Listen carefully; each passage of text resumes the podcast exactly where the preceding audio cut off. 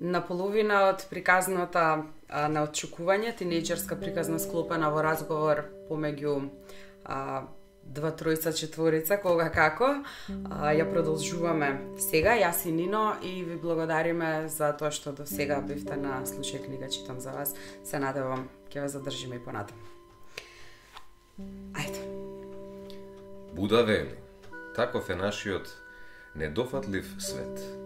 Една звезда во муграта, еден меур во потокот, еден краток удар на гром во летен облак. Треперењето на една светилка, еден дух, еден сон. Четврток, 14 август. Су. Повторно ме праша за тебе. Елија. Томи? Су. Да. Вели дека си поминува одлично со нас, ама повеќе мисли на тебе, сериозно. Елија. Стоп. Сигурно го измислуваш тоа. Освен тоа, мене не можеш да ми излажеш су. Јас мислам дека ти се допаѓа. Су. Немој да ја менуваш темата, зборувам за тебе, за вас двајцата. Зошто не ти се допаѓа? Убав е, забавен, интересен. И странец, колку се само добри странците. Елија. Колку само ти се допаѓаат тебе. И да, вистина е дека е убавец, дека е прекрасен, бла, бла, бла. Су. Бла, бла, бла, но висок е над 1,80 очите му имаат неверојатна зелена боја. Тој е подвижна енциклопедија, пее и компонира. Зарем не се сеќаваш на караокето Господе? It Will Rain на Бруно Марс никогаш нема да ми звучи толку добро. Ах, и најважното, може да разговара за книги. Што сакаш повеќе? Елија. Не велам дека не е така су. Ама прочитај што пишува женска. Ке продолжиме да се преправаме? Елија. Здраво, ме читаш? Су, леле, господе, леле, леле, леле, нема да поверуваш. Елија, што, што се случува? Су, мислам дека само што го открив Ньютон. Елија, на Википедија? Су, не, во сред центар, кафуле Ньютон. Предност ми е токму сега. Женска логото му е мачор кој излегува од јаболко. Елија, се шегуваш? Морам да направам пауза кога сме кај мачките. Пошто една во моментов не прави звуци. А тоа е звукот, ама ќе истираме додека се накрали. А, су, не, сериозно. Се враќав од курсот за тарот и само што го здогледав. Јасно е дека твоето сеќавање има врска со ова кафула. Мора да е тоа. Не може да биде случајност. Ама јас никогаш не сум влегла тука. Ти, ова место е на улицата Филателија. Ели, уште си тука? Елија, да, да, а, мислам дека се сетив на нешто. Су, на што, кажувај? Елија, една бледа слика на една маса, скоро е сигурно дека е некоја кафуле, може би е токму тоа, не знам, и седав со некога.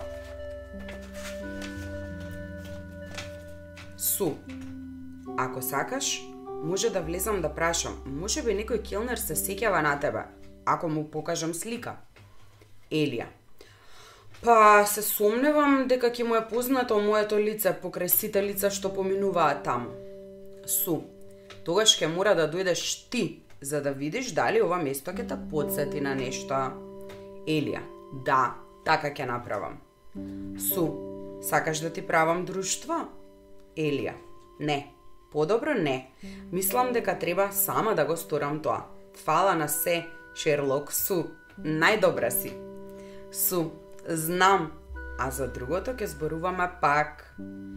Или, ќе те оставам, ќе задоцнам. Цмок. Феникс. Бевме како двајца странци што се познава многу добро. Елија. Ох, го гледаше Big Fish. Секако, не може да мислам на ништо друго по разговорот од вчера. И? Како ти се чинеше? Навистина ми се допадна, како што рече ти. Силата на дејството се наоѓа точно во нецелосните приказни на протагонистите. Се чини како да како да е олицетворение на незавршените приказни, како и самиот живот. Зарем не е така?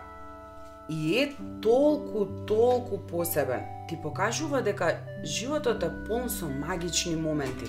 Само треба да знаеме да ги пронајдеме. Мило ми е што ти се допаднал, Феникс. Многу, особено фразата што ти ја пиша пред малку. Певме како двајца странци што се познаваа многу добро. Ме подсети на нас. Да, вистина е, само што всушност јас не сум странец за тебе. Па добро, зарем не сме сите за сите? Знаеш на што мислам. Знам, ама мислев дека се договоривме дека ќе ми ја направиш таа услуга. Го смени мислењето? Феникс, го менувам мислењето секогаш кога ќе помислам на тебе. Секогаш кога ќе добијам една од твоите пораки и секогаш кога мора да ти одговарам. Не можам да го избегнам тоа.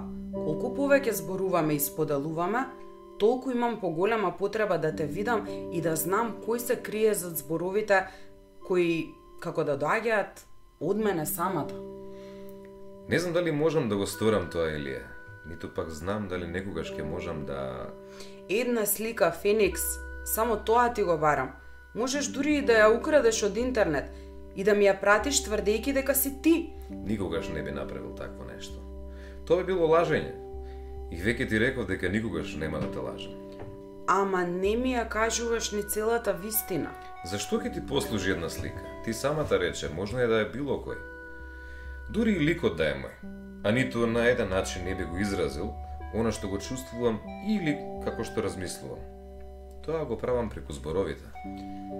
Ама јас сакам да го запознам момчето што стои зад овие пораки. Освен тоа, ти знаеш која сум јас. Да можам би го избришал тоа сеќавање, Илија. Само за да се чувствуваш дека сме изедначени. Не, не станува збор ниту за тоа. Види, не е важно. На крајот, твојот изглед не ми е важен, верувај ми. Само што мојата другарка Су е загрижена затоа што зборувам толку со тебе без да знам кој си. Мене таа тема ме измачува и ме прави да се сомневам. И јас сакам да бидам искрена со тебе, затоа и ти кажувам. Не знам дали ќе можам да го издржам ова долго време. Тогаш да ги искористиме сите минути што сакаш да ми подариш. Кажи ми, каков ти беше денот? Малку чуден. Су ми помага со нешто. Со што? Не знам дали веќе ти кажав, ама кога се разбудив од кома, ги имав заборавено трите дена што и предходеа на несреќата. Оф, жал ми е, Елија. И успеа ли да се сетиш на нешто? Искрено, не многу. Само знам дека сум била во едно кафуле. Ньютон, го знаеш? Не знам ни зошто те прашувам. Може би не си ни од тука. Работата е што мислам дека бев таму, ама не знам со кого. И што ќе правиш? Не знам, предпоставувам дека ќе ми биде од помош ако отидам до Ньютон. Дај Боже да е како на филмовите и наеднаш да се сетам на сите фрагменти што ми недостигаат. Да, би било добро. Ама зарем не ти е страф од тоа што можеш да го откриеш? Себе било подобро од ова бледило. Освен тоа, што би можело да биде толку лошо за да не би сакала да се сетам? Дека сум убила некого? Дека си тајен агент? Дека имаш специјални моки? Или кога веќе погодуваме, дека си се влюбила? И сум го заборавила? Невозможно. Сигурна сум дека Су би го знаела тоа. Ако не, тогаш би била таа што би ме убила мене. Освен тоа, изгубив само неколку дена. Добро, понекогаш е доволно само еден миг за да се влюбиш. Види, види, чувствувам одредена меланхолија во воздухот. Никогаш не те прашав, ама има ли некоја девојка која шета наоколу? Освен тебе, ни една. Подалеку од нашите разговори, мојот живот не е, да речеме, многу реален. Ме растажува кога го читам тоа Феникс, но ме радува тоа што зборувањето со мене ти помага на некој начин. Може би би можеле да имаме нешто повеќе, кој знае, иако секако може би сум влюбена во некого како што велиш ти и да не се сеќавам. И не би сакала да ја издадам мојата автентична љубов со тебе. Во тој случај ќе чекам да се сетиш или да се задоволиш со заборавот. А, не, тоа никогаш. Некој ми кажа еднаш дека задоволувањето не е опција и го следам тоа буквално. Е, тоа ме смирува. Тогаш ќе треба да се стрпам додека не ти се врати сеќавањето? Да, додека не ми се врати сеќавањето. Скоро е полноќ, па ќе се исклучам полека. Како ти одговара, принцеза? Така, добра ноќ, Феникс. Добра ноќ, Елија. Дај Боже да ти дојде сонот пред кочијата да се претвори во тиква. Биланс за четврток, очекувања 3381, пријатели двајца, време на поврзаност 40 минути. Ај мачката. Па да продолжам, јас и онака продолжувам сама сега. Среди ја ти неа. Буда вели. Долга е ноќта, како сакаш? Буда вели. Долга е ноќта за оној што лежи буден. Долга е милјата за оној што чекори уморен. Петок, 15 август. Елија. Здраво, здраво, може да те прашам нешто? Не спиев многу добро размислувајќи за нешто. Марион. Елија, секако кажувај, така ќе се забавувам малку. Во чекалница сум и не знаеш колку е забавно кога целиот свет те гледа под очи. Не, всушност, одвратно е. Елија, ја сватив иронијата. Добро, всушност, не знам од каде да започнам. Марион, почетокот е секогаш добра опција. Елија, па да речеме дека мојот сомнеш е дали е можно да се запознае некој без да се запознае. Марион, леле женска колку си станала мистериозна, можеш нешто поконкретно? Илија. Има еден дечко кој никогаш го немам видено, ама со кој зборувам практично секој ден. Марион, преку Хардбиц и како ти го има бројот? Елија. Не знам, ме познава од некаде, ама не сака да ми каже од каде. Во секој случај, тоа не е она што ме загрижува. Марион. Па би требало. Елија. Ај, Марион, немој ти да почнеш со тоа, иста си како Су. Марион. Каква? Предпазлива? Недоверлива? Елија. Уништувач на забави. Марион. Елија. Елија. Не знаете ништо за него. Марион. Ни ти. Елија. Може би предходно не, ама сега знам се повеќе и повеќе. Кога зборуваме, како само да си постојат нашите пораки, како да не е важно ништо друго. Не ми суди, не ми држи предавања, само ме слуша и ме разбира и знам дека го прави тоа од срце. Нема потреба да го видам за да знам дека не се преправа Марион. Никој не би можел да лаже толку добро и да биде толку реален, толку близок. Марион.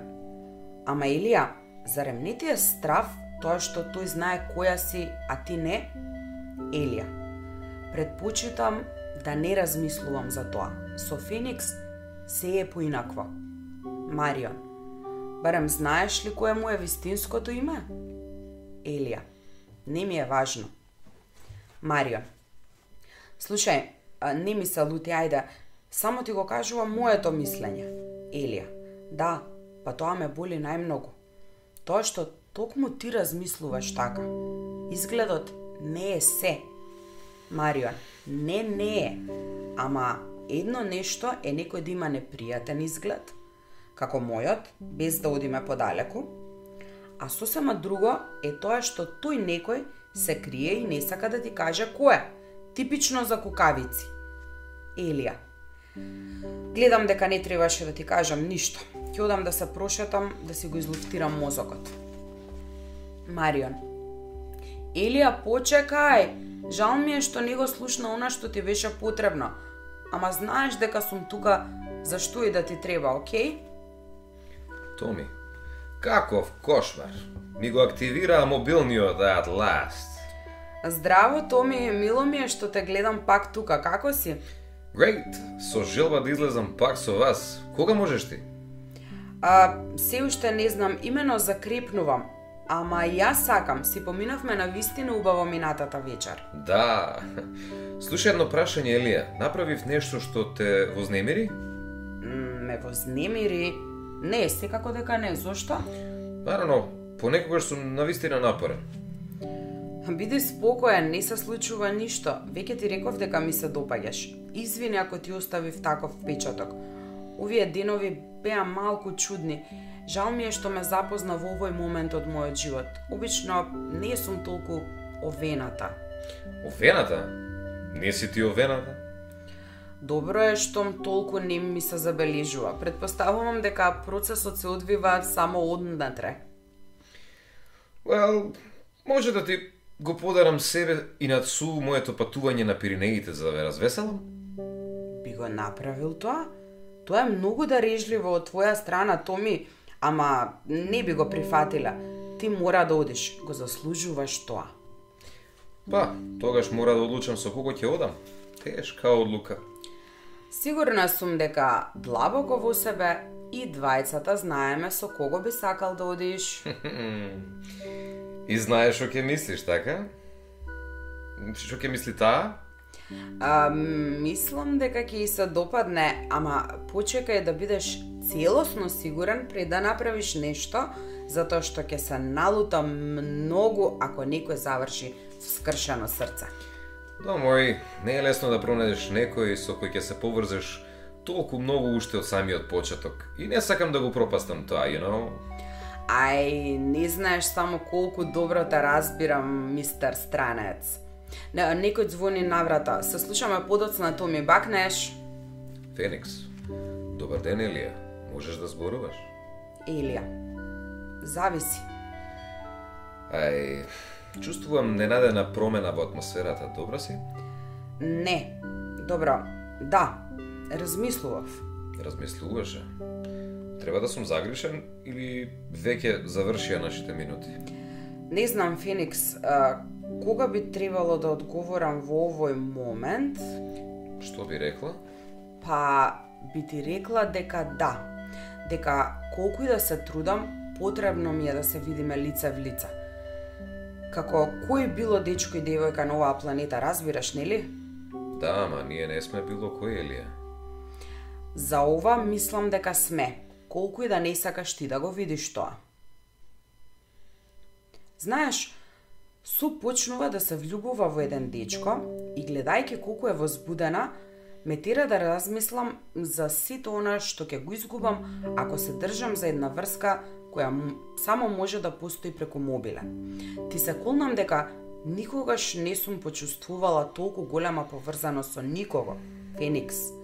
Ама само кога помислувам дека никогаш не ќе можам да те прегрнам, ми наидуваат сомнежи дека ова воопшто има смисла. Кој е?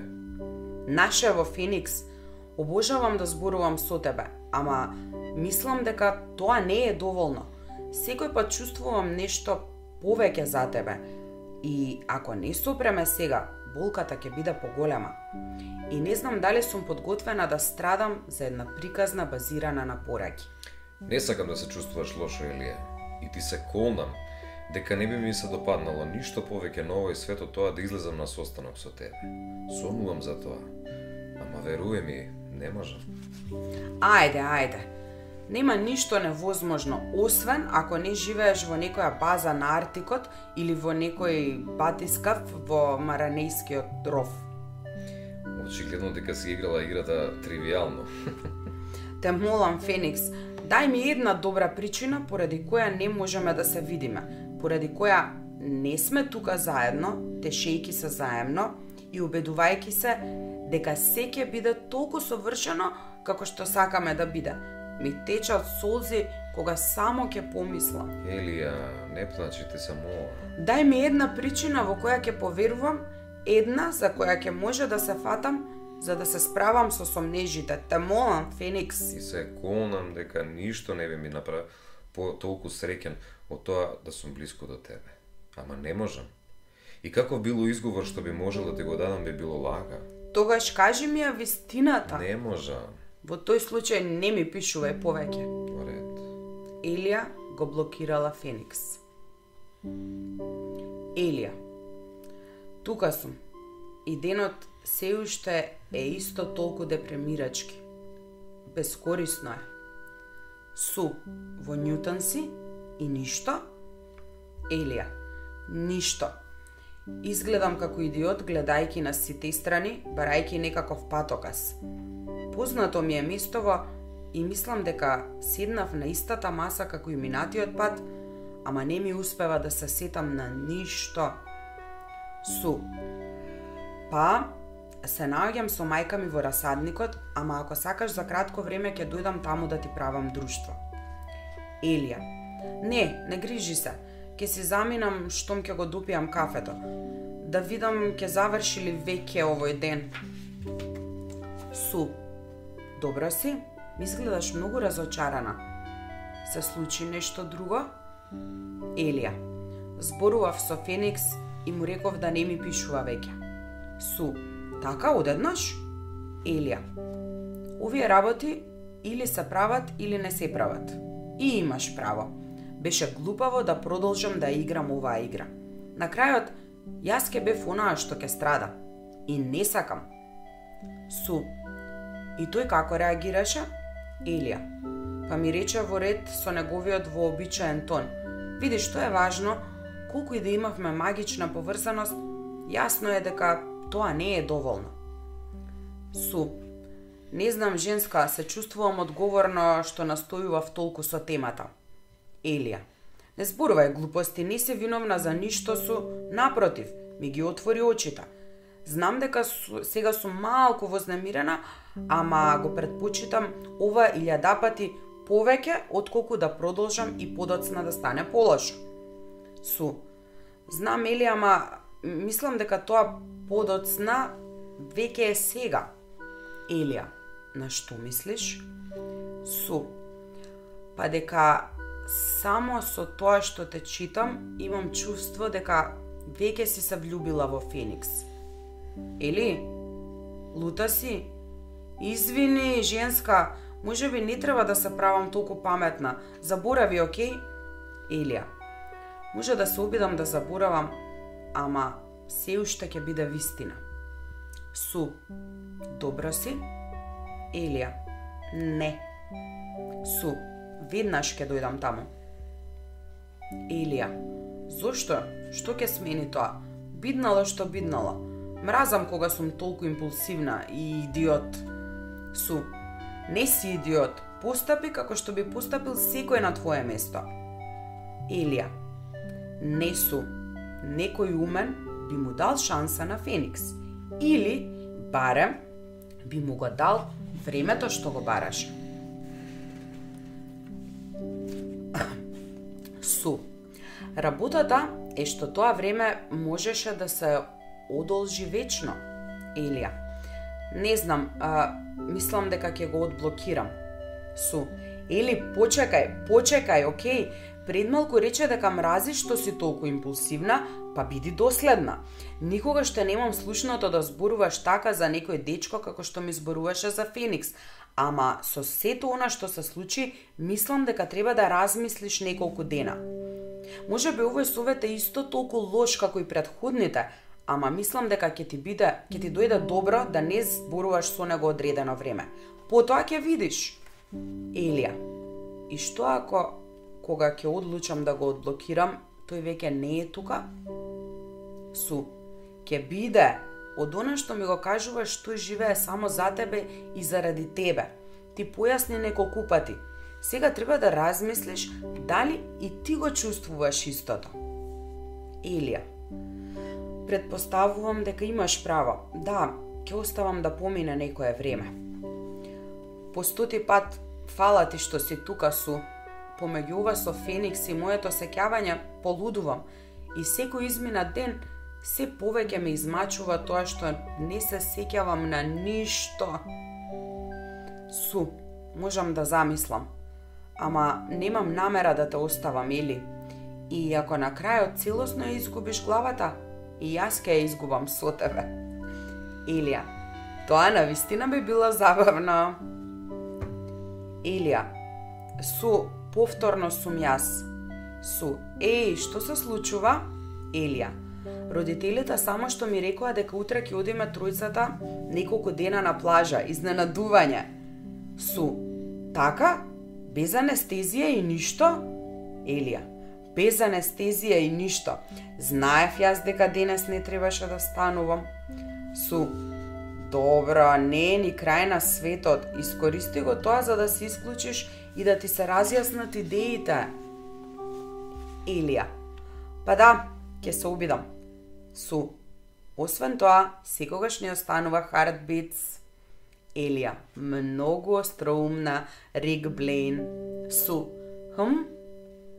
Рик Блейн, Хемфри Богарт. Актерот од Казабланка. Су. Ах, од кај да знам јас? Епа, тука ти зборува твојата другарка Су, која е многу поочајна. Пријатно патување. Билан за петок. Очекувања 5439. Пријатели 4. Време на поврзаност 68 минути.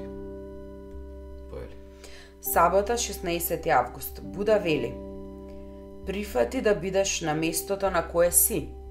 Во спротивно, ќе го изгубиш својот живот. Томи. Good morning, госпогице. На плажа си, we miss you. Елија. Hello, Томи. Да, на плажа сум. Се пржам под чадорот и се обидувам книгата да не ми се наполни со песок. И штицата за сурфање? Ај мис плажата, брановите, сонцето.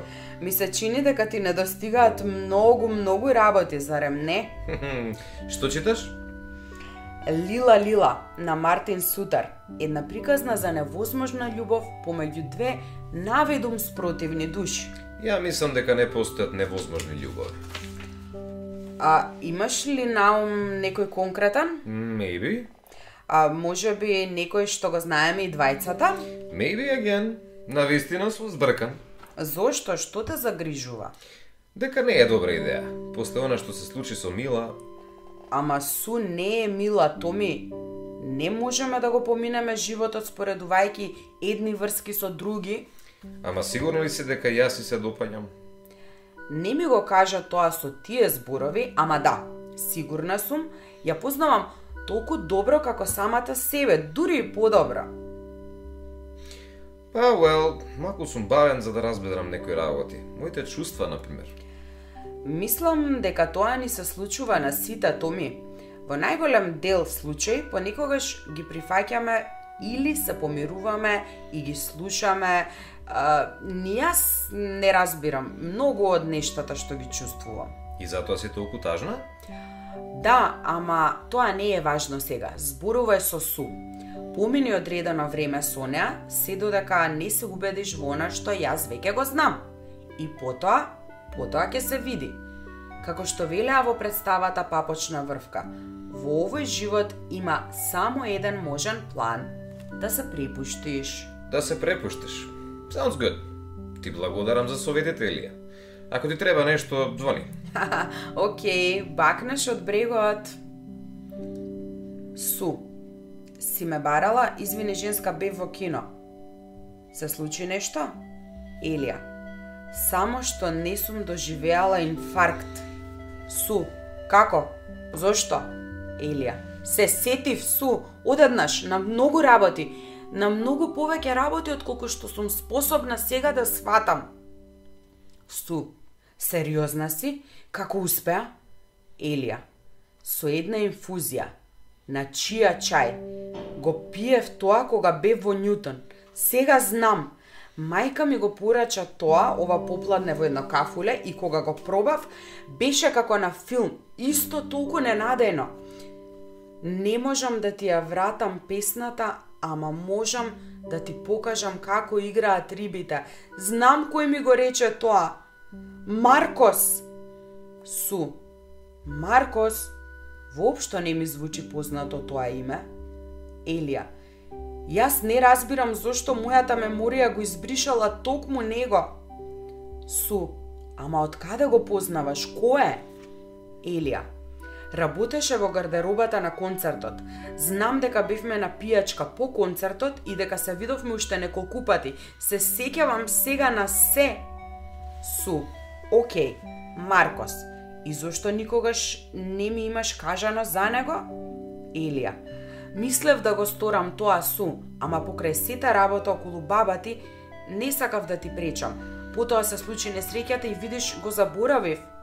Су и ти се допаѓаш или бевте само пријатели? Илија, Мислам дека ми се допаѓаше. Затоа не разбирам како можев да го заборавам. Нашите средби беа неверојатни. Беше како времето да застанало. Се чувствував толку пријатно со него су. Зборувавме за толку многу теми со толкава доверба. Па изгледаше како да се знаеме од секогаш. Су, и каков е, што работи? Мора да ми раскажеш се, Ели. Ајде почнувај сега, сега, сега. Елија, Толку сум возбудена што не знам од каде да почнам. Значи Маркос е една година постар од нас, во септември ќе започне да студира биологија. Работи во работата со гардеробата ја работи за да заработи некој денар повеќе. Кога типот од обезбедување не ме пушти да влезам повторно на концертот, ми се приближи и ми го кажа она со рибите. Су, изглед, височина, боја на очи, фризура, облека, вид насмевка. Сакам да знам се за него. Се. Илија. Па, значи, чекај да размислам. Беше малку повисок од мене, темно кафеави очи, светла кожа, со неколку пеги расфрлени на носот, кафеава коса, малку брановита и малку подолга. Не знам зошто, ама ми наликуваше на Ерол Флин од филмот за Робин Худ од 30-тите години – освен обетката на левото уво и тетоважата со баркодот на зглобот. Су. Мм, и насмевката? Елија. Искрена, љубезна и убава. И кога вистински се смееше, се слушаше од другата страна на барот. Најубавиот звук што сум го слушнала некогаш сериозно. Су. О, Елија. Сега кога ќе размислам убаво, ми рече дека никој не заслужува да ми ја затворат вратата нас кога се слуша негова кога се слуша неговата омилена песна. Го прашав дали и тој е фан на Реджина и ми одговори дека не е, дека пријателот кој го заменувал бил фан. Требало да работи следниот викенд, но го заменил распоредот со колегата за тој да можел да присуствува на концертот. Су, каков тип! Елија, да, и ништо. Луѓето почнаа да излегуваат и јас се приближив до него за да се поздравам, ама наместо тоа останав таму како некоја дрдорка додека тој ги носеше палтата и се враќаше. Кога се заврши се, заминавме на пијачка. Су. Уф, фан сум. Елија. Лошо е што потоа моравме да фатиме различни автобуси. Ми се чини дека живееше во другиот дел од градот су. И тоа беше се Елија.